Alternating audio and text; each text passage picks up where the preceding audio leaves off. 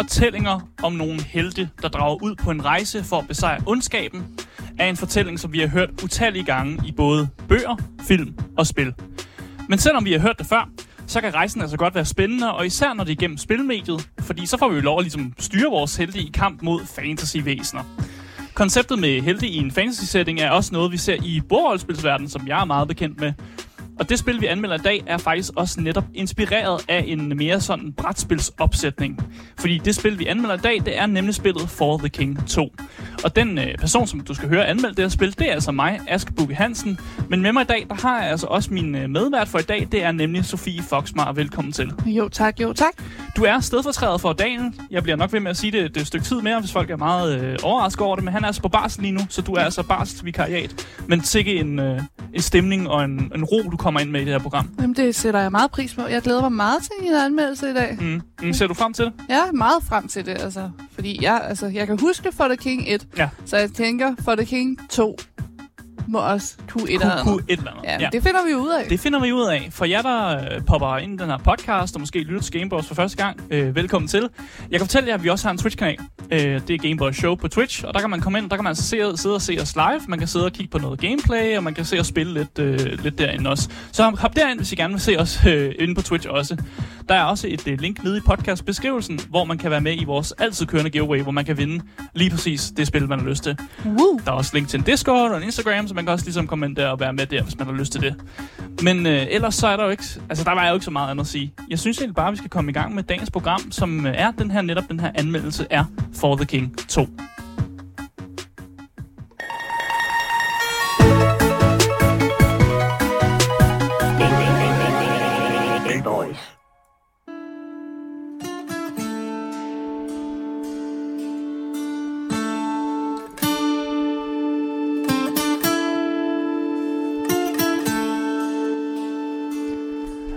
den gode øh, pling plong middelaldermusik, som spiller her i baggrunden, det er jo den musik, som man øh, hører det meste af tiden, når man spiller det her øh, For the King 2. Spillet det er udgivet af et øh, udgiverfirma, der hedder Curve Games, og øh, de er kendt for at være lidt af en sådan indie-udgiver. Øh, vi har taget nogle titler med, som øh, måske er titler, som I kender til. Det er Sofie, der har udvalgt de her titler, og jeg kender dem alle sammen, kan jeg sige. Jeg ved ikke, hvor mange du kender, men det, det, det kan vi finde ud af. Ja, Så de her titler, det er You Suck at Parking, den kender jeg. et spil, vi også har spillet her på Game Boys. Ja, Lawn Mowing Simulator. den kender jeg også vildt godt. Ja. Den kan jeg huske, du har spillet meget derhjemme. Ja, det spillede jeg, fordi øh, jeg er græsallergiker. Hmm. Så ideen om, at jeg kan få lov at, øh, at klippe græs, det er jo fantastisk. Ja, Ja. Øh, altså det er første og nok eneste gang, jeg har set dig være så glad for et simulatorspil. Ja. Og jeg ved ikke, hvorfor at det lige... Altså, Ej, men det ej.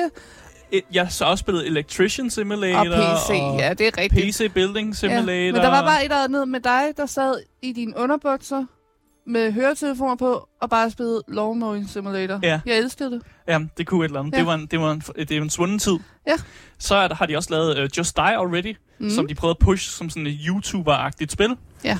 Så har de lavet Serial Cleaner, som Mm. er et spil, som jeg overvejede at spille, men aldrig nogensinde helt fik købt og spillet, men det så ja, sjovt det er ikke ud. så lang tid siden, at toeren kom ud jo. Serial Cleaner 2. Præcis, og det har også fået okay gode anmeldelser. Mm. Så, altså, det er no, de har altså udgivet nogle gode spil. Human Fall Flat er også Ja. på udgiverlisten for Curve Games. Det er også noget, jeg har spillet herinde, synes jeg. det, Det er jeg ret sikker på, vi har. Det Ja. mindes jeg, jeg har set. Og så har de også øh, udgivet Stickbolt og Mhm. Dodgeball Adventure, Og som det jeg, sagde du var dansk. det er dansk, og jeg tror, vi forsøgte at spille det på et tidspunkt Oh. øh, herinde på programmet. Jeg tror, det mislykkedes, og jeg tror, vi var nødt til at spille noget andet. Mm. Øh, men i hvert fald, de har udgivet nogle, øh, nogle øh, baller games, Ja. og øh, For the King 2 er jo også en af de spil, som måske er et baller game. Det er jo det, vi skal finde ud af i den her anmeldelse. Rent udviklermæssigt, så har vi med et øh, indie-studie at gøre. Mm-hmm. Det er altså et indie-spil, vi skal snakke om i dag. Det er et studie, der hedder Iron Oak Games. Og hvad du kunne finde ud af via deres Ja. LinkedIn, var det ikke der? Jo, fordi de havde ikke rigtig en hjemmeside af, hvad jeg kunne finde, Nej. så jeg gik på LinkedIn. Ja. Øh, og på LinkedIn, så er der altså 12 medarbejdere tilknyttet. Øh, det kan jo eskalere lidt op og ned, fordi der er jo altid nogle mennesker, der ikke har LinkedIn, som Ja. måske ikke er på det og sådan. Men det virker som om, det er et indie-studie der. Jeg tør godt at sige, at hvis man har cirka 12 medarbejdere, selv hvis der nu kommer plus 5 på, eller der er måske nogle af dem på LinkedIn, LinkedIn, der har glemt at slette, hvor de arbejder, eller du ved, alt muligt. Plus minus 5. mm. så er det stadig et indie-studie. Ja. Det vil, vil, vil, jeg, vil, jeg påstå. 12 medarbejdere er altså ikke mange. Mm. Så det, er- det er et hardcore indie-studie, vi har med at gøre her. Og det de andre spil, de har lavet, det er For the King 1. Wow. Så de har altså ikke lavet andre spil. Men det synes jeg også er et godt track record. Altså, Rick, det, det, jeg hvad synes, mener du med det? De har lavet For the King. Ja, og nu laver de For the King 2. Ja. Så, man, så ved man ligesom, hvad det studie er kendt for. Ja, Ja, men så nu- det må jeg sige, at de laver For the King ja, ret godt. De, de må Ja. kende den her titel. d- jamen det, det er du helt ret i. Ja, jeg ikke tror, et- den er god. Det er ikke et nyt studie, der har fået titlen i hænderne, eller IP'en i Og hænderne, de skal heller ikke, de står ikke og kæmper med at skulle udgive 10 forskellige spil. Ja. De har ikke alle mulige IP'er, de skal holde styr på, og lige sørge for, at de får loven rigtigt og sådan noget. Ja. De har styr på det her spil. Det er ikke Ubisoft. Nej. Eller EA, det er du ret i. Det er bare et indie-studie, der laver et spil. Ja. Fair enough. Det kan jeg også godt lide. Mm. Genremæssigt, så er det her det er et øh, eventyrspil. Det er et rollespil. Det er strategi. Det er øh, sådan brætspilsmæssigt setup. Så, mm. så det er ligesom at spille brætspil, faktisk. Øh, det er et roguelike-spil også. Og så er det jo turbaseret. Øhm, fordi det er meget sat op som brætspil, så er alting i det her spil, det er på tur. Mm. Når du render rundt på det her overmap, så er du på tur, og når du er i combat, så er det også turbaseret. Er der nogle af de her genrer, der er anderledes end fra det første spil? Eller er det samme genre? Det er præcis de samme genre. Ah, okay. Der er ikke noget, der er ændret sig genremæssigt, og øh, gameplaymæssigt vil jeg så sige, der, øh, det er heller ikke de store ændringer, der kommer der, men det, det kommer vi jo ind i Ja, ja. senere. Platform og prismæssigt, øh, så kan man altså ikke få det her spil særlig mange steder endnu. Endnu. Man købe det på Steam, Yay. der koster det 186 kroner. Mm-hmm. Øh, det var det, jeg købte til. Men du fandt ud af, man kan også købe det i Elgiganten, Ja, altså hvor man får en... en digital kopi på Elgigantens hjemmeside til 149 kroner. Ja, det ved jeg ikke helt, hvordan det fungerer. Tror du, man får en Steam-nøgle så? Det tror Via ved ikke. Jeg tænker, du bare får en eller anden ja, kode til så. Ja. Jeg har aldrig nogensinde købt digitale spil via Elgiganten. Nej, jeg blev også meget forvirret, men der stod altså, at det var en digital kopi. Så det, det, det, der kan man også købe Ja. ja. det. Det koster det mindre, og så, men så skal man vel have det sendt, sendt hjem først, eller et eller andet. Jeg, tror du ikke bare, du får en mail? Mm. En Elgigantens mail? Altså, hvis du får en mail, og det bare er så lidt, så vil jeg faktisk anbefale, at man køber det via Elgiganten, fordi så, så er det bare billigere. Det kan også være, at jeg er kommet ind på en eller anden Elgigantens jammer hjemmeside. Så skulle øh, du være med at købe det. Jeg vil gerne bede alle om lige at tjekke efter, at øh, det rent faktisk er Ja. Elgiganten, at Ja. det står rigtigt og sådan noget, fordi jeg bliver sidder der og bliver helt i tvivl. Ja. Men, Public Service Radio fortæller, øh, gør jo, at vi bliver nødt til at sige, at øh, vær lige sikker på, at I klikker Ja. på de rigtige links. disclaimer, øh, ja. jeg er ikke sikker. Sofie har måske været inde på en scammer hjemmeside, ja. Da hun har set den her pris på Elgiganten. øh, hun var ikke sikker på, om det var Elgiganten.dk, eller det var Elgiganten.gov, eller Uh, eller noget helt andet, noget forkert. så øhm, bare brug jeres hjerne, når I, når I køber ind. Jeg stoler på, at I, I, I er kloge nok, jeg lytter med. Ja. Ja. Det kan I godt finde ud af. Så jeg synes egentlig bare, at vi skal øh, lade os komme i gang med, sådan, med, med at fortælle, hvad egentlig For the King går ud på. Fordi For the King 2, det er en øh, direkte ef- efterfølger til det første spil. Men i modsætning til etteren, så får spilleren altså mulighed for at styre fire helte rundt uh. i stedet for tre helte, som okay. man gør i etteren. Wow!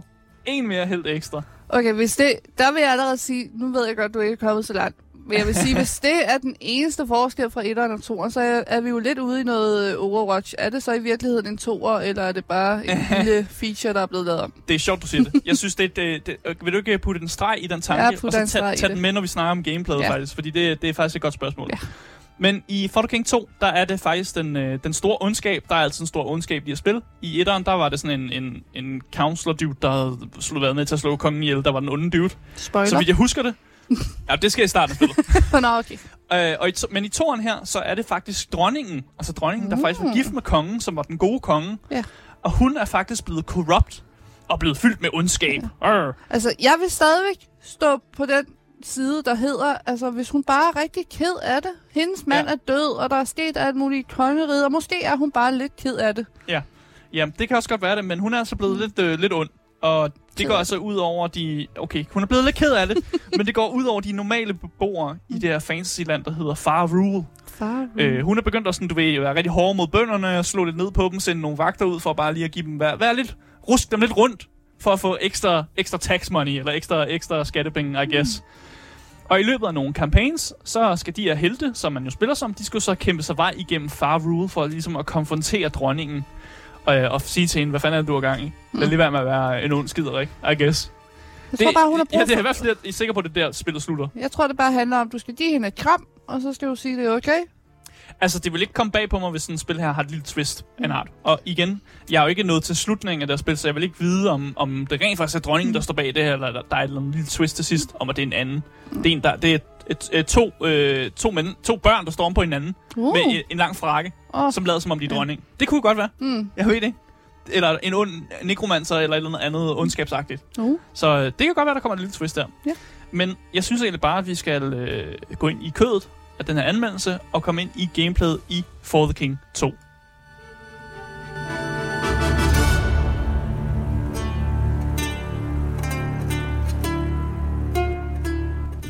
Ja, vi kom lige i godt øh, musik, sådan slutningsstykke øh, af lyden her, Ja. øh, mens vi lavede det her skift her. Ja, det skal jo siges, det er jo mig, der sidder på teknikken i dag, Ja. øh, så jeg håber, I alle sammen nyder det rigtig meget, når musikken ryger op og ned, fordi at, øh, det er mig, der lige prøver at lege lidt med Ja, det. ja, du skal huske, at musikken er lidt lavere for dem, der lytter med, så Ja. du må godt skrue meget mere op for musikken. Meget mere op. Ja, ja. Men, øh, men ellers så synes jeg, det går meget godt. Ja. Så i For the King 2, der, det minder jo meget om etteren. Så hvis du godt kan lide det første spil, så er toeren jo bare sådan lidt mere af det samme. Mm. Så det igen det der spørgsmål med Overwatch 2 og Overwatch 1. Hvis Ja. du godt kunne lide Overwatch 1, og du bare gerne vil have mere af det samme, så er Overwatch 2 jo Mm. mere af det samme. Og så er du vel egentlig okay med Men man det. kan jo sige, altså, selv, altså, det er jo en ny historie i det mindste. Der er jo et eller andet, der Ja. ja. er nyt i det. Jamen, det er der. altså, Hvorimod, altså, hvis igen Overwatch og sådan, der er jo ikke rigtig nogen historie i det. Jo, altså- jo, jo, jo, jo. Okay. Du, du kan da gå ind på YouTube og finde alle mulige, Ja, øh, alle mulige videoer om historien og sådan noget der. Så Mm. jo, det er der. Det vil da sige, der er historie der. Okay. Men så længe historien er ny, så er jeg glad. Ja, og her er der, hvor de ligesom har den samme mentalitet, som de havde med det første For the King. Og det var jo netop, at For the King 1, øh, nu kalder det bare etteren, det hedder jo bare For the King, men nu kalder det et for ligesom at differentiere mellem dem. Mm. Der ville de jo ligesom hele tiden implementere nye classes, der kom nye DLC'er hele tiden, der var ekstra historie, der var flere forskellige fjender, der var items, altså der kom hele tiden ting løbende ind i det her spil. Ja. Og det virker som om, de har tænkt sig at køre samme model i Mm. For the King 2. Så igen, mere af det samme, mere af det, vi godt kan lide ved For the King 1, det der med, at de bare bliver ved med at sådan putte mere og mere indhold på, og der bliver flere DLC'er, man kan ligesom kan købe til sig, Mm. flere items, alt det der sjove og ballade, man måske gerne vil have i sit For the King-spil. Ja. Jeg er bare ikke helt imponeret endnu, Nej, vil jeg gerne vælge at sige. okay. Jeg føler, at da jeg gik ind til uh, For the King 2, der føler jeg faktisk, at jeg blev lovet øh, flere features og opgraderinger, end jeg faktisk fik. Ja. Jeg kunne godt have brugt lidt mere nyt. At der var flere ting, der var sådan nyskabende. Jeg blev ligesom overrasket, at de puttede nogle andre genrer på, at det ikke bare var mere af det samme. Og jeg ved godt, nogle gange, jeg kan, måske er jeg lidt biased, men der, der er nogle spil, hvor jeg godt vil have mere af det samme. Øh, Hvis jeg for eksempel selv spiller Borderlands, Ja. så vil jeg bare gerne have mere af det samme. Men jeg, kunne, Men jeg hvor, vil bare gerne have haft lidt mere, Men mere hvad- ud af, ud af fordi For the du var ret glad for For the King. Ja. Altså etteren. Ja. Så hvad er det helt præcis, du føler mangler, hvis spillet minder- så meget om det første spil? Hvorfor kan du... Altså, Jamen, hvorfor altså- føler du så, der mangler noget? Jeg vil også vælge at sige, at det er stadig en form for crack cocaine, det her spil. Mm. Og jeg vil faktisk vælge, jeg vil vælge at påstå, at jeg, jeg kommer stadig til at spille det, og jeg hygger mig stadig med det, så det er jo ikke, fordi jeg har en dårlig oplevelse med det. Men det er bare den der følelse af, at nu starter man se- sequelen til en spil, og man havde bare regnet med, at der var, at der var mere nyt Men i det. altså, nu kan vi jo også sige, der er jo ekstremt mange flere timer i det her. Kan det være, at det bare først kommer senere hen? Det kan være, det først Lige kommer. pludselig så dropper det, Ja. og så tænker du, ej, hvor er jeg ked af, at jeg sidder og siger, at der ikke er noget nyt, Det er fordi rigtigt. det kom faktisk. Jeg har 11,5 times øh, gameplay der. Mm. Øh, og jeg har, ikke, jeg, har oplevet nogle få, jeg har oplevet nogle få nye features og sådan nogle mm. ting der. Men jo, det kan godt være, det kommer Altså, i, vi er jo blevet- i, i altså- midten. Igen, ja, vi var inde og kigge på How Long to Beat. Ja. Øh, den er ikke opdateret endnu. Det, det er ikke til at vide helt, hvor lang tid det her spil tager. Men vi er blevet lovet, at det er i hvert Over fald 30 timer. over Ja. 30 timer. Ja. Så hvad hvis nu, at det er, når du når 15 timer? Så er der. Så, Så så dropper der mange- ja. alt det nye. Jamen, det, så er jeg jo ikke noget til, kan man sige. Nej. Det er jeg jo ked af. Ja. Øh, men nej, jamen, det kan godt være, at der kommer mm. helt mange features sådan slut i spillet eller eller andet. Men indtil videre. Indtil videre, så, ja. Ja. så synes jeg ikke, øh, at, at det er det vildeste. Mm. Og så ved jeg også, at jeg har kigget på deres roadmap, og det virker som om, at der kommer nogle features, som også bliver sådan implementeret hen ad vejen. Sådan mm. En ny class og sådan noget der. Der kommer, der kommer nok nogle nye ting. Mm. Så det kan være, at de, de nyere features først kommer senere. Mm. Men igen, det synes jeg ikke er helt okay, fordi det, jeg kan ikke lide mine spiltitler af sådan nogle, nogle sådan... Jeg vil gerne have dem nu! jeg vil gerne have dem nu, når Vi spillet vil kommer jo ud. altid have det nu. Altså. Ja. Ja. Men altså, hvad så med for den her forskel med, du sagde jo, at der er fire personer nu, i Ja. stedet for tre. Ja. Føles det som, altså, er det okay, at man lige pludselig har fire, eller er det lige pludselig for mange mennesker at holde styr på? Øh, i- jeg synes, det er skægt, at de vælger at sige, at slå, altså studiet slår sig virkelig på brystet over det der med, man kan spille fire i For the King 2. Wow! Men nu kan man have fire venner med, fordi det er jo en co-op-oplevelse, så man kan spille med sine venner online. Øh, man kan også bare spille med sig selv. Men jeg synes faktisk, at fire gør ikke så meget for mig. Hvis noget, så trækker det faktisk spillet lidt mere ud. Okay. Fordi i stedet for, at du har, øh, man havde tre øh, sådan helte i det sidste spil, nu har man fire, så er det, det er jo en ekstra tur, når man laver det her turbaserede combat, eller når man laver de her øh, turbaserede rykker sig rundt på det her over, overview map. Hmm. Så at der er en ekstra tur, gør jo så, at spillet bliver lidt mere langtrukken i det. Ja. Så jeg kunne måske godt tænke mig, at der kun var tre. Hmm. Men igen, jeg ved også, at når du starter en kampagne ud, så kan du faktisk selv vælge, hvor mange heroes du vil starte med. Hmm. Så der er faktisk en mulighed for, at jeg kunne tage på et eventyr med én karakter, og jeg kunne også tage på et eventyr med tre karakterer. Jeg valgte jo bare at gøre det med fire, fordi det føles det mest naturlige, og det er også det spillet ligesom...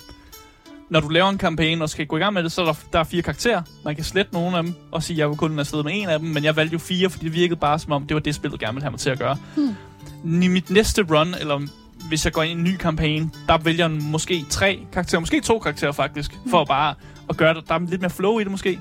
Det kunne også være, at jeg lavede sådan et, et solo hero run, uh. hvor jeg Uh. bare prøver at gå igennem med en hero. Jeg har en idé om, at man kan samle nogen op på vejen, når man gør det på den måde. Men igen, jeg er ikke helt sikker på det. Jeg, jeg har kun kørt det med, hvor der var fire, fire spilbare karakterer, som jeg havde med, og som jeg styrede. Ja, altså, for jeg kan huske, vi har spillet For the King sammen. Ja.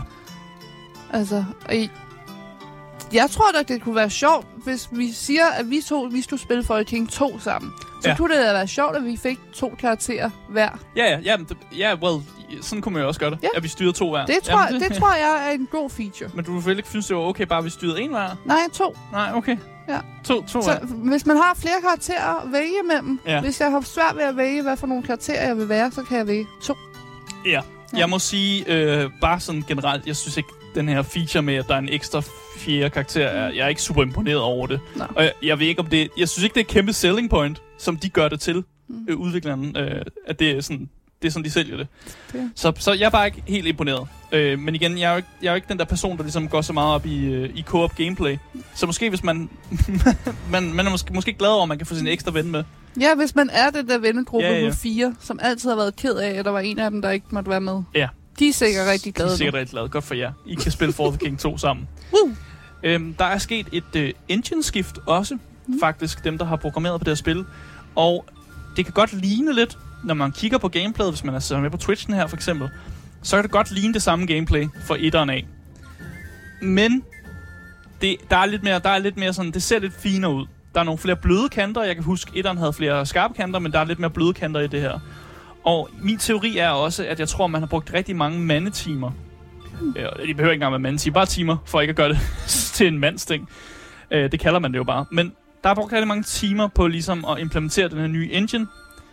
Og jeg tror, at fordi man har brugt så mange timer på netop og ligesom at få det til at køre på en ny engine, så derfor der ikke er helt så mange nye features faktisk. Hmm. Og det er jo det, jeg ligesom efterspørger. Nye features, men de har brugt mere tid på ligesom at få det til at køre på en ny engine.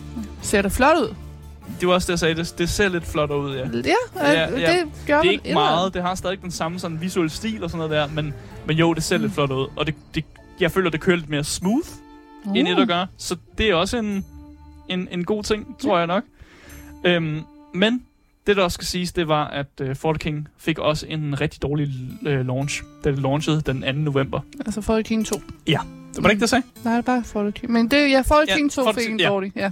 Øh, der var mange, der øh, oplevede mange problemer med det, og det gjorde så, at der var rigtig mange, der smed dårlige reviews efter det, især på Steam. Ja. Øh, hvis du går ind og kigger på det nu, så er det blandet anmeldelser, og der er sket lidt et opsving, fordi folk er ligesom kommet tilbage, og de har lavet en masse patches, og der er løst en masse ting, så folk er begyndt at give det lidt bedre anmeldelser. Men det blev altså launchet rigtig dårligt, og der var en masse folk, der ikke synes, øh, det var en særlig god... Øh, det ikke kørte særlig godt, da det lige kom ud i hvert fald. Men øh, det skulle være blevet patchet, og det skulle køre bedre. Efter scene er der stadig lidt fejl, og her, jeg går lige igennem nogle af dem, som er nogle øh, folk har rapporteret, men jeg ikke har oplevet selv. Mm. Øh, Co-op skulle efter scene have en masse fejl, og faktisk ikke fungere særlig godt. Ja. Så hvis du tænker, at du gerne vil spille med nogle venner, så skal du nok vente lidt, fordi mm. at, øh, det kører åbenbart ikke super godt i co-op stadig. Øh, selvom de siger, at de har fikset nogle af problemerne. Ja, altså den vi fandt, det var nogen, der skrev det her med, at man kan loade ind i to forskellige øh, kampscenarier. Ja. Øh, og at øh, lootet også kan være meget, meget forskelligt fra person Ja. til person. Det er jo ikke så optimeret, kan man sige, hvis man, man loader ind forskellige steder, og man ser på nogle andre ting og sådan noget der. Det er jo, det er jo, det er jo ikke sådan, det burde være. Hmm. Øhm, som sagt, mange af de her problemer skulle være patchet væk, men jeg oplevede faktisk også nogle få fejl i mit gameplay. Det var ikke mange, men jeg oplevede lidt problemer. Øh, blandt andet så var min inventory-knap, den var meget uresponsiv. Okay. Man skal normalt bare trykke på I, så åbner man sit inventory. Men jeg oplevede flere gange, at det, den bare ikke kom op, når jeg trykkede I. Og jeg, nogle gange skulle jeg trykke to-tre gange, og så poppede den op. Kan det være keyboardet, der er junket til? Well, jeg har spillet For the King herinde i studiet, mm. men jeg har også spillet det derhjemme. Ja. Så så skulle begge vores keyboards, okay. Både det inde i studiet ja. Og det derhjemme, være gonket op, Mm. før det giver mening. Men Ja. det, jeg, jeg kan godt lide, at du prøver at afvise det med gonk. Det er en god teori. Jeg tror det ikke. Ah. Jeg tror, det er i-knappen, der er sådan lidt uresponsiv. Og jeg endte med at blive lidt irriteret, så jeg brugte bare musknappen på at trykke på inventory-knappen. I stedet for selv at bruge, øh, i, i stedet for at bruge sådan en short, shortcut. Altså, og det er jo også der, hvor, igen, det lyder Ikke som sådan lidt problem. first world problem. Ja, okay. Ej, jeg var nødt til at bruge musen til at klikke. Jamen, det er da bare lidt irriterende, når Ja. de laver en fucking genvej til at komme Ja. ind i min inventory. Mm. og så jeg ikke må bruge den genvej, jeg skal klikke med musen. Altså Ja. helt ærligt. Øh, jeg vil også sige, at jeg havde også noget problemer med nogle... Øhm, der var på tiden, hvor jeg dræbte en fjende, og når man dræber fjender i For the King 2, så ragdoll de sådan. Øh. Mm. Og så ragdoll den her fjende ned i noget vand. Og det der skete, det var, at jeg fik sådan en loopende lyd, hvor fjenden ligesom plaskede rundt i vandet. så jeg hørte bare sådan... øh, det var ret irriterende. Det lyder som en feature. Jeg synes, det Nej. lyder her sjovt. Men problemet var, at den her lyd, den fulgte mig ligesom, jeg var i en dungeon nemlig, så den fulgte, den fulgte sådan med mig Det gør... igennem dungeon, den er lyd af en fjende, der plasker rundt i noget vand. og det, det, det kører jo over det soundtrack, der allerede er, så man hører bare den der... Som sådan konstant. Og jeg, jeg blev lidt tosset. Jeg synes, det lyder som en Det feature. er ikke en feature. Jo, det er sådan, du skal føle, når du render rundt i en dungeon. Det er, at du skal føle, at du bliver lidt tosset. Jeg skal, jeg skal kunne høre min fjende, min døde fjende, øh, dødsplaske rundt i noget vand. Ja. Fordi så føler jeg mig sej, eller hvad? Ja. Jeg følte mig ikke sej. Jeg Men jeg vil følte, også sige, hvis han er død, hvorfor plaster han så rundt? Hvad mener du med, hvorfor plasker han rundt? Du siger, at han er død, Ja. men at han plaster rundt i vandet. Men det er fordi, den ragdollen, den kan, ikke, den kan ikke finde ud af det, så, så den vil gerne flyde. Øh, fjendens liv vil gerne flyde rundt i vandet, men den kan ikke rigtig finde ud af det, så de, de, de vipper sådan op og ned. ah. Og det gør, at den der plaskelyd, den, den Mm. looper. Mm. Det kan være, det er et meget specifikt problem. Og jeg oplevede det bare, og jeg, jeg kan huske det, fordi jeg var lidt irriteret. Øh, Jeg synes, det lyder sjovt. Okay, det var, det var også lidt sjovt i starten, men når den, lyden forfølger dig, Ja, når, når fejlen eller glitchen forfølger dig, så er det ikke så sjovt i et langt løb. når glitchen forfølger dig.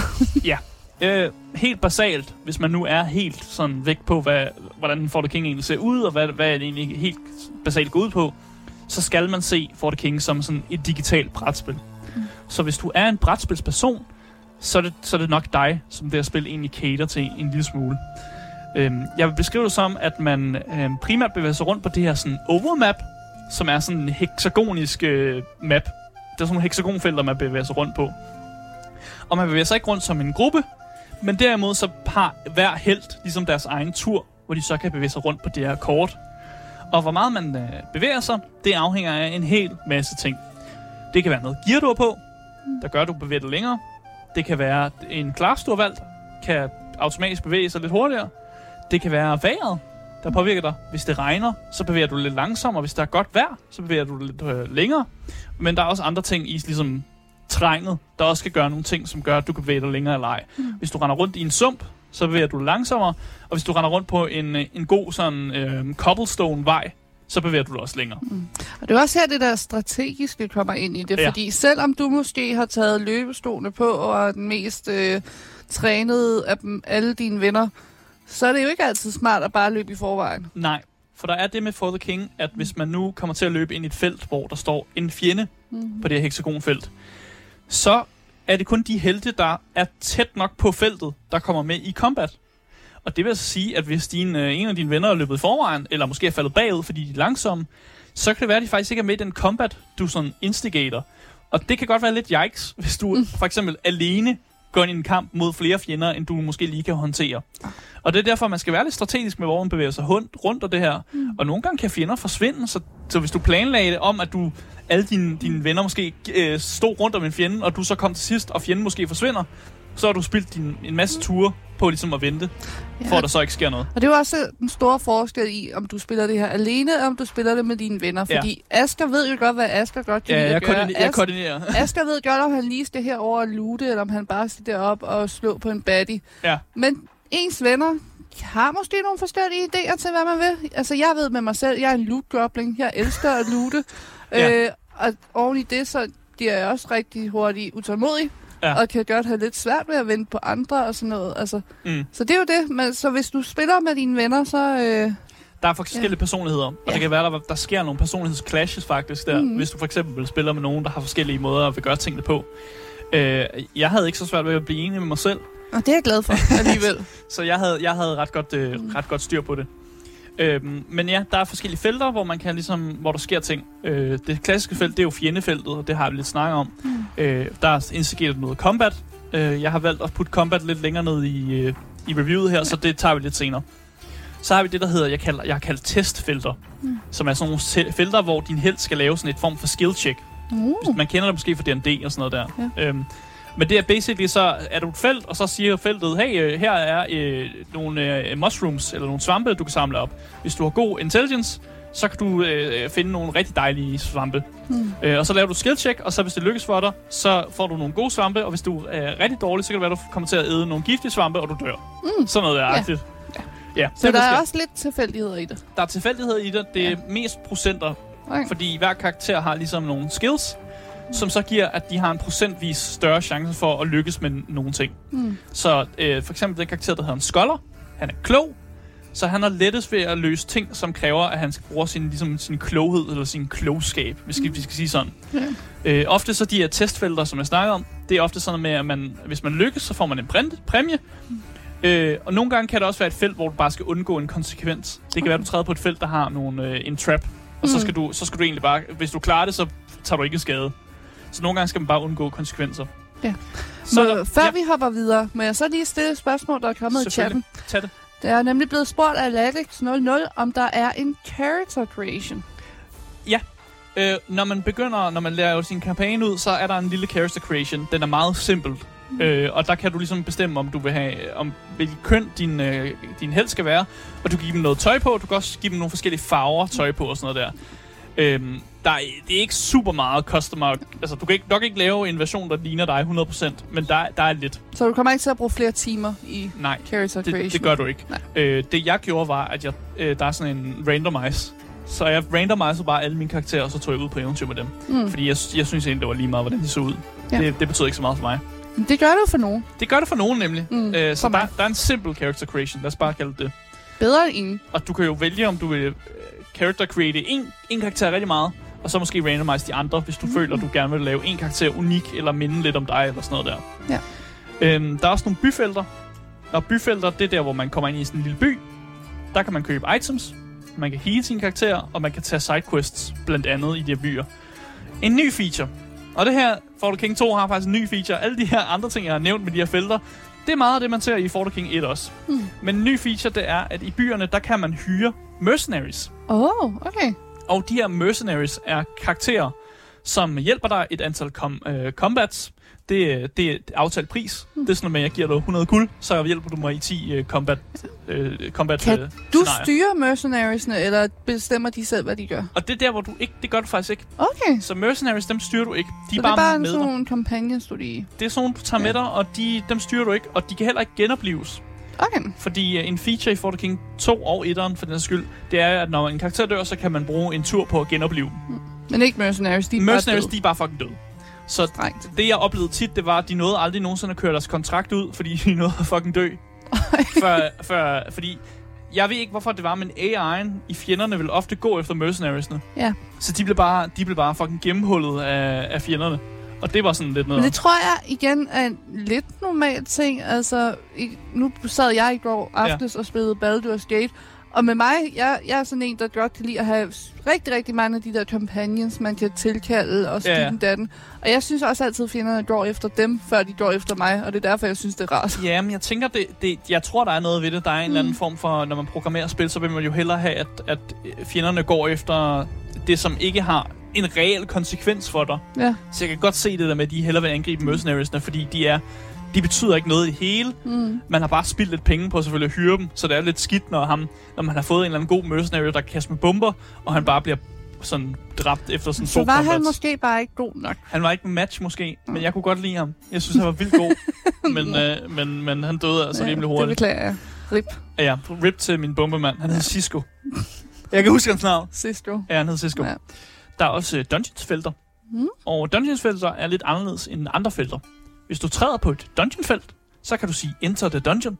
Og hvis du gør det, så bliver alle dine karakterer faktisk teleporteret til det felt. Mm. Så der er lidt strategi ved faktisk at stå på de felter, fordi at man kan, en held, der måske er faldet bagud, kan komme frem til dig, ved at du netop teleporterer dem frem til det øh, felt.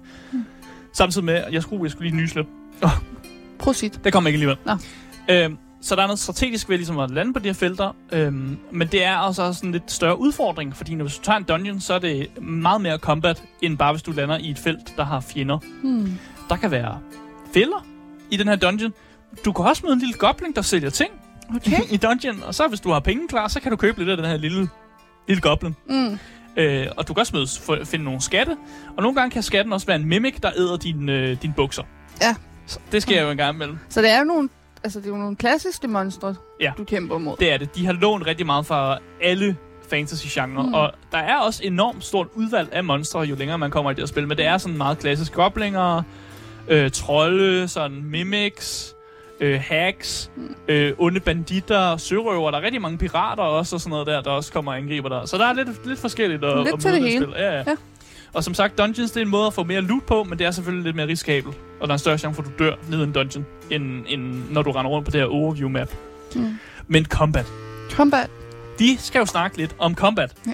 Det er jo der, hvor øh, For the King 2 faktisk har set allerflest sådan, øh, features og flest opgraderinger, og der er sket øh, nyere ting. Ja. Og det, igen, her slår udviklerne, udviklerne sig igen på brystet over, at de har lavet vildt mange opgraderinger. Hold kæft, de har lavet mange opgraderinger. Fortæl os om dem alle sammen. Fordi, yes, i etteren, der står du med dine venner og dine fjender, I står på række Ja. foran hinanden. Men vent nu her. Mm. I For the King 2 kan jeg jo an- annoncere, at man står på to rækker. Så dine venner har fået to rækker, og dine fjender har fået to rækker. Det er Damn. simpelthen dobbelt op på, øh, på rækker her. Damn. Så der er simpelthen blevet lavet en backline, og der er blevet lavet en frontline. Mm. Altså en, øh, en, hvad hedder det på dansk egentlig? En baglinje og en frontlinje. Ja. Ja, så det kan vi godt kalde det. Front og bag. Øh, Det var meningen, jeg ville have givet dig noget øh, horn og sådan noget, men jeg er ikke så god til lydene. Så i stedet for siger jeg bare, fedt. Godt for dem. Ja, det er den store annoncering, at de har lavet en ekstra række. Ja. Øh, og det har egentlig jo egentlig bare gjort, at der er nogle helte, der skyder med buer eller bruger magi. De stiller sig selvfølgelig i baglinjen, hvor de helte, der bruger skjolde og svær eller økser og sådan noget der, de stiller sig i frontlinjen. Det gør det jo også igen lidt mere strategisk. Du skal lige pludselig til at tænke mere dimensionelt og sådan. Ja. Altså det, det synes jeg, det kan jeg godt forstå, de er stolte over den feature. Ja, der er også nogen, der siger, at for The King 3, der må man jo have tre rækker. Åh, oh, det, Ja. ja. oh, De, de, de udvider med en række for hvert For The King-spil. det giver mening. Jamen, det glæder jeg mig så meget til. Øhm, det, det er der til spillet, det er jo, at øh, nogle helte kan ligesom stille sig bag en anden helt. Og så kan den held foran ligesom beskytte helten bagved. Så det er der jo den der dimension med, at ens øhm, baglinje er lidt mere sikre end mm. frontlinjen.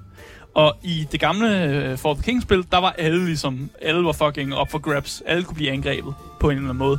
Så det, det er der en ekstra dimension, men det er ikke, altså det er ikke meget. Jeg vil sige, en af de negative review, jeg læste før, Ja. det var, at der var nogen, der synes, at øh, det blev en lille smule meget klumpet. Ja. At det var svært at se helt præcis, hvor de forskellige fjender stod henne. Ja. Hvad synes du om det? Jamen, det er rigtigt nok. Der er nogle gange, hvor man, øh, man kigger ned på fjenden, og man har, man, det er et fix kamera. Hmm. Du kan ikke rigtig flyve rundt og se sådan i andre vinkler. Så nogle gange kan kameraet, fordi det er fixeret, godt gemme en fjende bag en anden fjende, man ikke kan se. Ja. Og det, det kan jo godt være lidt irriterende, hvis man regner med, at om nu er jeg færdig efter den her fjende, og så er der en fjende, der har lidt gemt sig. Ja. Igen, altså... Kan det ikke også godt ske i det problem. virkelige liv? Jo, at der lige er en lille imp, der gem- gemmer sig bag en trold. Ja, det kan godt være Ja. ja. sådan noget der. Og det er, jeg vil ikke sige, det er et kæmpe problem. Og, nogle, og ofte var det sådan med, at man ser det ikke lige i starten, men på et tidspunkt går det op for en. Mm. Og det er ikke fordi, de er jo er totalt usynlige fjenderne bagved. Det var sådan lidt håb, der var lige en anden fjende, Det man et ikke lige lille opdagede det samme. surprise-element. Ja, det er sådan, et lille surprise element, sådan kan vi godt. et godt lille surprise. Så er der også det der med, når folk står i de her rækker, så er der, kan man jo lave forskellige angreb, der rammer bestemte felter, i stedet for i det gamle For the King-spil, hvor man ligesom var fanget i, at man skulle target en fjende, eller hvis man havde mul- sådan attacker, der ramte flere, så, så var man lidt mere fikset i, hvordan, hvor man kunne angribe her. Her er det mere sådan, du kan lave, øh, for eksempel har jeg fået en bue, der kan skyde sådan nogle fire arrows op i luften, og så angriber det, så rammer det sådan seks felter omkring sig. Mm. Og det er jo ret fedt, at man nu kan sådan target nogle felter, og man, og, og man også kan sætte ild til de felter. Så hvis Ej. fjenderne ikke bevæger sig ud af de felter, så bliver det ved med at, ligesom at gå ild i dem. Så der var, var der elementer med før? Der var elementer med, ja. Nå, okay. Men de var ikke fixeret på et felt, Mm. som det jo er i, i det nye spil her. Okay. Samtidig kan fjenderne jo også plante ting i felterne, og det gør jo så, at du bliver nødt til at bevæge sig ud af de felter, så du ikke også brænder ihjel et eller andet sted. Hmm. Eller det kan være, hvis du øh, har en kamp i en sump, så kan det være, at der er et vandfelt, du heller ikke har lyst til at stå i. Så der er en masse, sådan, der er en masse ting der, der ligesom, som gør, laver et ekstra element. Men jeg vil sige, det ekstra element, det er så lille bitte en ting. Og det, det, jeg ved ikke, om vi sidder og snakker om det nu, men det er, det er altså en meget, meget lille feature, det her. Det er det. Det er altså ikke mere end det. Nogle gange skal der ikke mere til. Nogle gange er der de små ting, der gør en kæmpe forskel. Nej, jeg synes ikke, det her grid, som de har lavet, ekstra grid, at det er en kæmpe opgradering. Og det har bare det har en minimal effekt på gameplayet, faktisk. Og jeg spillede lidt For the King 2 på samme måde, som jeg spillede For the King 1. Det, altså det, man tænkte ikke så meget over det, faktisk. Og der var endda nogle gange, hvor jeg glemte at rykke min karakter bag min anden karakter, fordi det var bare sådan lidt lige meget. Og igen, er det, er det måske her, vi er ude i det der med, why fix what isn't broken, eller hvad man siger? Nej, men det, jeg er helt enig. Hvorfor fix, hvis det fungerer, hvorfor Ja. så fix det? Men jeg tror bare, der var mange, der efterspurgte, at der bare skete lidt flere ting i det her spil, fordi det, mange af tingene er meget simple. Og vi, nu skriver vi altså 2023, og nu har vi set rigtig mange fede spil komme ud, der har så mange features, at, at jeg forventer bare lidt mere. Også for mine indie-studier, for jeg ved, de kan finde ud af det. Det, det ved jeg simpelthen. Ja. Øhm, der er selvfølgelig også det her med, at øh, de har addet det her. Jeg kan ikke huske, om det var en feature i det gamle Fourth King, men man har givet heltene en main action, og så en sekundær action. Jeg kan ikke huske, om der var med i det. Så nu, nu, nu nævner jeg lige meget alligevel. Den øh, sekundære action, det er den, der du kan bruge til at bevæge dig med. Men du kan også bruge items øh, med den her sekundære action. Og så er hovedaction, den kan ligesom bruges til at angribe, eller den kan bruges til at genopleve øh, sine holdkammerater. Hmm. Øh, og det er ligesom, det er det, de kan. Ja. Ja. Så det, det, det er det featuren, som er co- combat-mæssigt. Combaten bruger stadig det her sådan procentsystem, som fortæller dig, hvor stor chancen er for, at dit angreb lykkes. Og det kan nogle gange bide dig i røven. Nogle gange så tror du bare, at jeg rammer bare, jeg er 95% sikker på, at jeg rammer, og så misser man alligevel. Hmm. Sådan en klassisk, klassisk random uh, number generator, der nogle gange bare fucker over. Bare for fucked over. Det synes jeg jo er sjovt. Der er så det med det, at man får nogle, det der hedder fokuspoint, som gør, at du kan sikre dig, at du altid, altid altså mindst rammer med et rul. Ja. For det er sådan lidt terningagtigt, uden at rigtig være terninger, du ruller. Jeg vil faktisk ønske, at de lavede sådan, at der kom en fysisk terning over, der viste dig nogle ting. Men det er det ikke valgt at gøre. Hvordan er det med safe strumming i det her spil? Er det en feature? Nej, Nej. det kan du ikke. Okay. øhm, det er godt, du nævnte det. Spillet har jo den genre, som hedder roguelite. Like. Øhm, og det er fordi, spillet skal tænkes som om, at når du er gået i gang med en kampagne, så stiger sværhedsgraden meget stødt. stødt. Mm. Altså, det bliver sværere meget hurtigere, end det vil gøre i måske andre spil. Fordi det er faktisk ikke meningen, at du skal klare, klare det i et run. Det er meningen, at du skal dø, for at du så, når du så begynder igen, så kan, er- du lidt bedre anden gang, du ligesom mm. løber igennem tingene på. Og du ryger aldrig nogensinde sådan helt tilbage. Du ryger altid sådan tættere på der, hvor du nåede til. Men så nye helte, nye friske helte, de har flere abilities, de kan have flere ting, de har bedre start equipment og sådan noget der. Ej, Så der er de her roguelite, uh, roguelike features, som du skal gøre brug af. Og det er de samme som i Fort King 1. hmm. Det er sådan noget med, at man kan købe nye karakterer, så man, kan, man har flere klasser at vælge imellem, når man begynder. Eller man kan ligesom putte flere items ind i, uh, ind i puljen. Hmm. Flere begynder-items og alle mulige andre ting. Flere lokationer, man kan møde på sin vej, kan man også putte ind i sådan puljen, øh, som der er chance for, at du møder. Der er 12 klasser i spillet. Ej. Øh, og som i det første For the King, så starter man ikke med alle de her classes, men det er nogen, du ligesom skal opdage på din rejse. Man, har, øh, man starter med fem classes, som er Herbalist, mm-hmm. Hunter, Scholar, Blacksmith og Stablehand. Ja. De er meget lige til, og jeg har ikke tænkt mig at gå i dybden med dem. Men der skulle efter sine være en class, som jeg ikke har unlocket endnu, mm-hmm. som skulle være en class, der gør, at du kan samle beasts op, som Ej, også hjælper er dig. sødt. Og det er, så vidt jeg husker, også en ny feature. Ja. Man kan ikke, normalt plejer man ikke at kunne samle dyr op, og sådan få dem til at kæmpe med sig. Ja, fordi det, jeg læste, det var, at der var seks gamle classes og seks nye classes. Præcis. Altså så igen, der er nye ting i spillet. Ja, det er der. Der er nye ting i spillet. Nye ting. nye classes. Mm. Jeg tror, der er en Beastmaster et sted. Mm. Og jeg vil virkelig gerne unlock ham, fordi jeg tænker, Ja. ja. det kunne være fedt at have en Beastmaster, der kunne øh, tage nogle dyr med på rejsen. Øhm, så vi har snakket lidt om det her roguelike element, øh, og det her med, at du så samler nogle point sammen, og de her point kan så bruges til at købe ting, som så gør dit næste run bedre. Hmm. Flere trades, bedre start items, flere lokationer, som giver dig positive effekter, alt det der. Ja.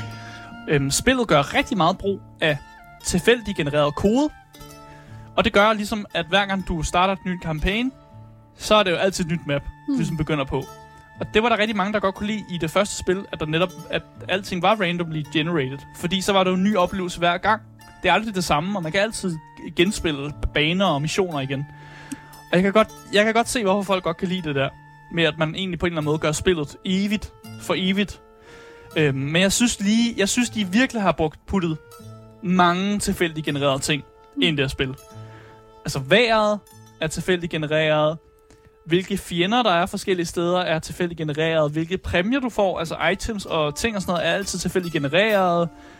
Altså, og jeg fik endda tilfældigt genereret mine helte. Så sådan, jeg føler bare, at alting er et kæmpe stort sådan, terningkast i, hvad der egentlig kommer til at ske i det her Men er det egentlig ikke også lidt sjovt? Altså, du aldrig helt ved, hvad der kommer til at ske. Men så er det jo der, hvor jeg vil stille det spørgsmål. Hvis, hvis alting er tilfældigt genereret, er der så noget, der er unikt? Jeg ved ikke, på et eller andet tidspunkt møder du vel en eller anden Altså jo, boss og sådan noget. Altså, alting er- historien, ja, historien er vel den, ja, den evige konstant. yes, det er du ret i. Det er du ret i. Men, men jeg føler bare, der, jeg føler, der, der er ikke noget, som sådan er meget... Jeg føler mig ikke unik, når jeg spiller et spil. Jeg føler bare, jeg, er- jeg, jeg er et, et tal mellem en millioner af tal. Fordi jeg er det der tilfældigt genererede tal Ja. mellem den, den lange kode. Ja. Og det gør bare, at jeg føler mig faktisk ikke speciel. Og Mm. nogen, der er nogle spil, hvor man heller bare gerne vil sådan, man vil bare have fortalt historien for en.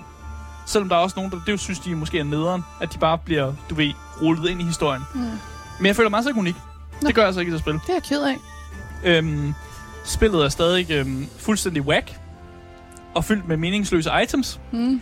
Øh, og jeg synes, der er et sjovt skæld mellem seriøsitet og sådan, du ved, humor. Historien er meget seriøs. De quests, du tager på, er også sådan semi-seriøse. Men der er bare det der med, at nogle gange så samler du et eller andet item op, eller noget gear op, som bare er fucking whack. Altså, du kan samle noget, noget, noget items op, der gør, at dine karakterer stort set er nøgne, og så render rundt med sådan en nøgne karakter, der bare banker en eller anden med, med en legetøjshammer. Sådan noget der er agtigt. det, det er helt mærkeligt. Men igen, det er jo den humor, man også forventer af sådan, i, i et roleplay, sådan roleplay-spil, brætspil-agtigt. Synes du, humoren er blevet anderledes end fra første spil? Er det den samme, Den samme. humor? Den samme. Er, det, er den blevet bedre? Den er ikke blevet bedre. Nej, det er Nej, den- bare det er den præcis samme. det samme. Det er præcis det samme. Der er så meget af det her spil, der bare er det samme som toeren. Mm. Øh, og det, for mig taler det lidt for The King 2 ned, faktisk. Mm. Selvfølgelig. For mange taler det måske op, fordi de bare gerne vil have mere det samme, men for mig er det sådan lidt, der taler det lidt ned.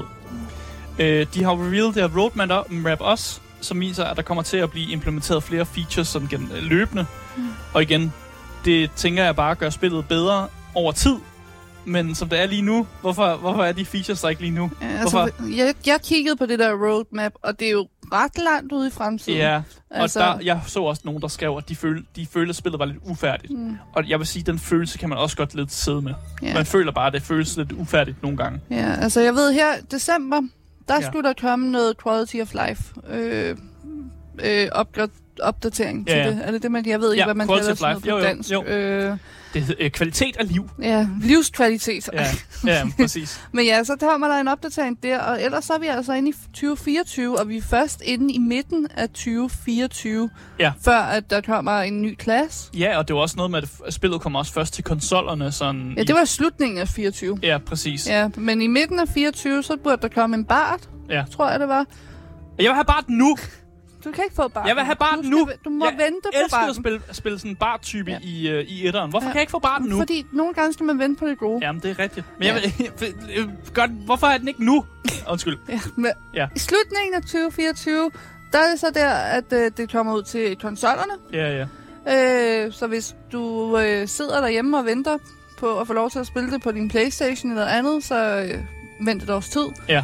Øh, og så er det først i 2025, at der skulle komme noget DLC, halløjse og sådan noget ud. Ja, præcis. Så det er... Det er Det er et langt roadmap, oh, synes jeg. men de er også kontrolmennesker, så fair. Ja, ja, det er fair. Jeg synes, det er vildt nok, at de har et roadmap, som de deler. Altså, det Ja. viser også lidt, at de care about deres, deres øh, fans. Præcis. At de gerne vil vise dem, det her er, hvad vi arbejder på. Præcis. Jeg synes, at øh, vi skal komme ud af gameplayet og snakke lidt om øh, narrativet i for the King 2.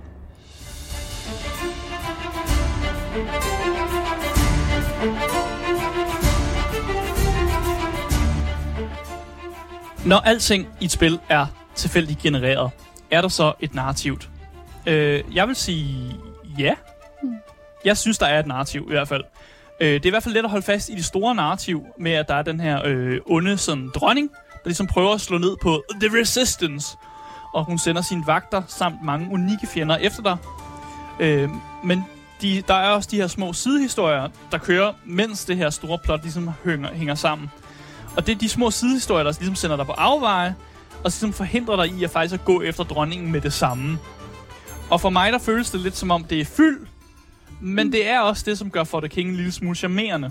At man lige pludselig, man kan ikke direkte gå op til dronningen, fordi hov, øh, kromutter har lige fået stjålet sin mand.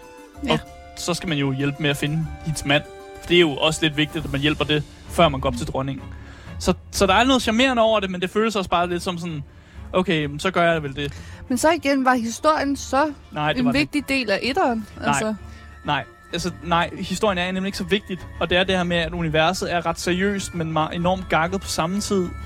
Og, og i sidste ende, så er narrativet faktisk lige meget. Hmm. Og du kan sagtens følge med i det helt store billede, uden at læse de der mange små tekster, der er i gameplayet. Øh, og det tror jeg heller ikke, det er derfor, du spiller det her spil, faktisk. Jeg, jeg, det tror jeg simpelthen ikke. Du spiller ikke for et narrativs skyld. Du, skyld. du spiller spillet, fordi du synes, gameplayet er ret grineren. Måske har du nogle venner, du spiller sammen med. Og, og det handler mere om de der mærkelige scenarier, som spillet kan give dig via det her tilfældige, øh, tilfældige elementer, som de smider ind. mm, Så for at man ligesom kan have, kan, for at de her tilfældige elementer kan brillere, så bliver man jo nødt til at skralde lidt væk på det store narrativ, fordi ellers kan man ikke implementere det særlig godt. Så ja, narrativet er ikke sådan mega super godt og super meget i fokus, men det er heller ikke meningen. Så jeg synes egentlig, det er fair nok, at, at der ikke er, er mere fokus på det der. det er et okay narrativ. Det, det er okay, og Det er jeg, har ikke, okay. jeg har ikke brug for det, og jeg, jeg føler heller ikke, at jeg har brug for det, når jeg spiller. Jeg har en good time med gameplayet, og det er vigtigst for mig.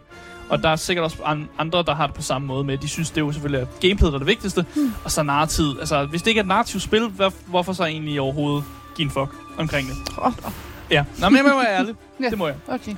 Øhm, så jeg har ikke så meget andet at sige om øh, narrativet. Og jeg synes egentlig bare, at vi skal gå over og snakke lidt om øh, visuel og lyden i the King 2.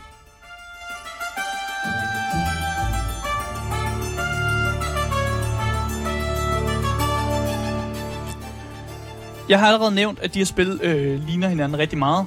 Både det første og det andet. Men hvis man satte dem visuelt op ved siden af hinanden, så er For the King 2 flottere og et mere poleret spil. Det er det. Det kan man altså godt se. Godt for det. Der er stadig et meget sådan firkantet og sådan karikeret verden, med, men, med de kanter, som var der meget i etteren, de er ligesom væk. Der er blevet mere blødere kanter, og det gør alligevel, at, at det skær mindre i øjnene, når man kigger på det visuelt. Okay.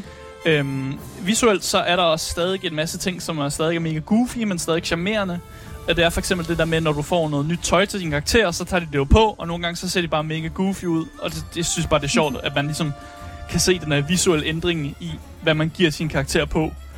Øhm, nogle gange ser de super badass ud, og andre gange så har du, giver du dem, når du giver dem det bedste gear på, så står de måske næsten nøgne faktisk, med et eller andet mærkeligt øh, våben i hænderne. Det, det, det kan der et eller andet, for det visuelle, I guess. Lydmæssigt, vi har jo lyttet til musikken gennem hele det her review, men øh, lydmæssigt er det jo ikke. Det er jo ikke det her store orkester. Det er lidt mindre orkester, nogle gange nogle få horn og sådan noget der, en masse hyggeligt. fløjtespil og sådan noget der.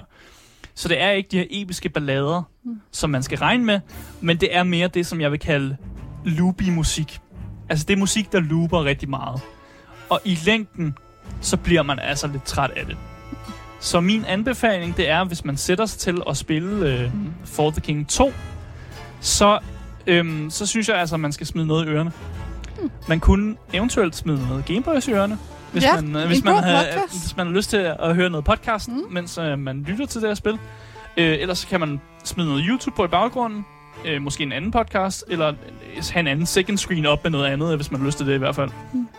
Øh, ja, fordi lydmæssigt så, øh, så kører der ikke... Øh, så kører der ikke så mange så kører der ikke så meget for det spil. Det er meget loopende. Og som jeg også har hørt i meget af det musik, vi har spillet i løbet af anmeldelsen, så øhm, ja, så er det meget kort. Og det er Ja. derfor, det nem- netop kommer til at loop rigtig meget. Så øh, jeg har ikke så meget andet at sige om øh, visuel og øh, lyden.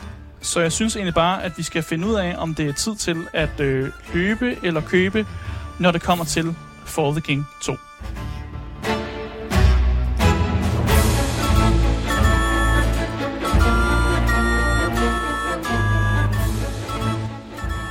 vi får mere flot fløjtespil, der ligesom leder os ind i den her afslutning på dagens anmeldelse.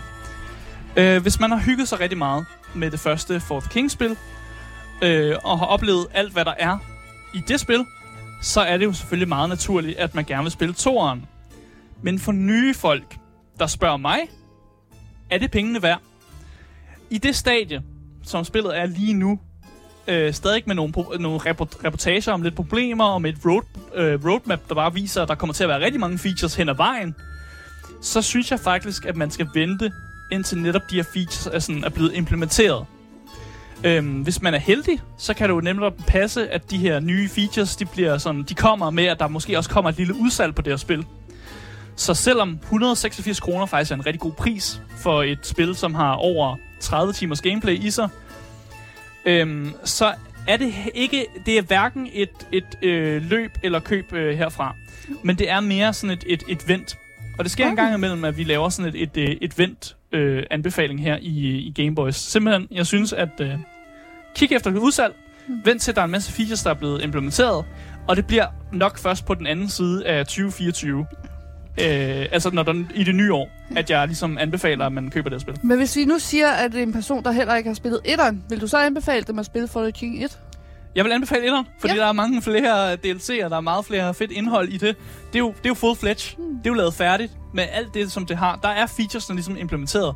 Så jeg vil anbefale, hvis man ikke har spillet nogen af spillene, så spil the King 1 først, faktisk. Jeg synes, det er lidt en bedre oplevelse nu, fordi den bare er, det er, det er en færdig oplevelse. Mm. Og the King 2 føles som sådan en anden øh, person, som jeg også sagde på Steam, det føles øh, halv, halvbagt, halvfærdigt. Og en halvbagt muffin kan godt smage okay, men den er federe, når den er bagt helt færdig. Mm. Og den er altså ikke bagt helt færdig endnu. Øhm, så det er altså det, jeg anbefaler nu. Øh, Jeg anbefaler vent. Øhm, og det er der, jeg vil lægge anmeldelsen i dag. Jamen, ved du hvad, Asger? Ja. Tusind tak for en fed anmeldelse. Jamen, så lidt. Ja. Så lidt.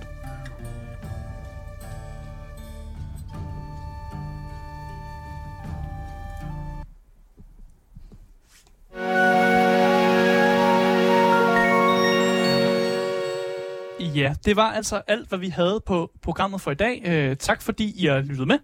Øh, jeg vil bare minde jer om, at øh, hvis I først er kommet ind i programmet nu, så kan I altså lytte til hele den her anmeldelse som øh, podcast. Øh, og der er der også et øh, link til en øh, altid kørende giveaway. Der er også et link til øh, vores øh, Twitch, så man kan komme ind der og se os ske game der.